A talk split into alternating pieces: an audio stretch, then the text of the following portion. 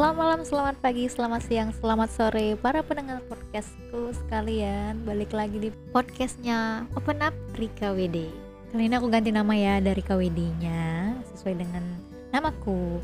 Udah lama nih gak buat podcast Jujur kangen banget. Cuma memang keterbatasan waktu aku Kalau pulang kerja gak sempat dan capek juga.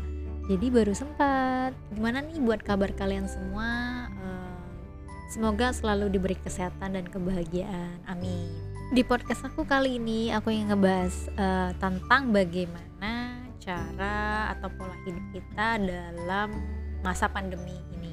Dan kita tahu sekarang pandemi corona ini makin harus lebih waspada ya karena kita nggak tahu apa yang ter- nanti terjadi ke depan dan memang Indonesia sekarang di titik paling tinggi untuk kasus coronanya. Jadi untuk itu aku mau berbagi informasi bagaimana sih gaya hidup yang baik di saat karo- corona ini, pandemi ini. Dan ada lima gaya hidup yang aku mau kasih info gaya hidup yang sehat untuk kalian semua yang harus diterapkan dalam kondisi pandemi virus corona ini. Yang paling penting itu adalah olahraga sampai makanan sehat. Untuk pertama kali ini eh, perlu kalian tahu bahwa pandemi corona kan sekarang makin makin besar ya impactnya ke kehidupan kita sehari-hari sehingga wabahnya juga wabahnya juga udah di mana-mana. Namun kita harus perhatikan gaya hidup juga agar eh, virus corona itu nggak terjangkit ke diri kita ataupun orang-orang sekitar kita.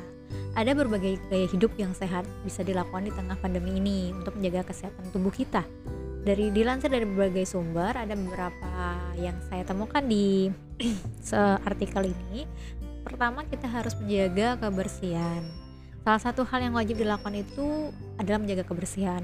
Di saat seperti ini, penerapan hidup bersih bisa menghindari kita dari infeksi virus dan bakteri penyakit termasuk virus corona.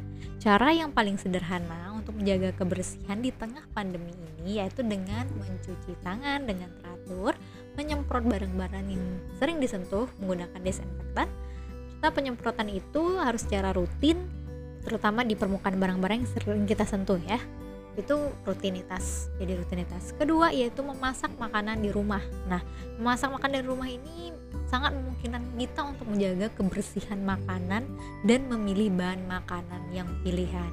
Selain itu memasak makanan sendiri juga akan lebih hemat pengeluaran di tengah pandemi ini. Terus selanjutnya itu mengkonsumsi makanan sehat Usahakan selalu mengkonsumsi makanan yang berprotein, bervitamin, seperti buah dan sayur. Karena makanan yang kaya akan nutrisi itu membantu menjaga daya tahan tubuh di tengah pandemi virus corona. Selanjutnya itu berolahraga. Menjaga tubuh tetap sehat di tengah pandemi itu dilakukan dengan berolahraga secara teratur.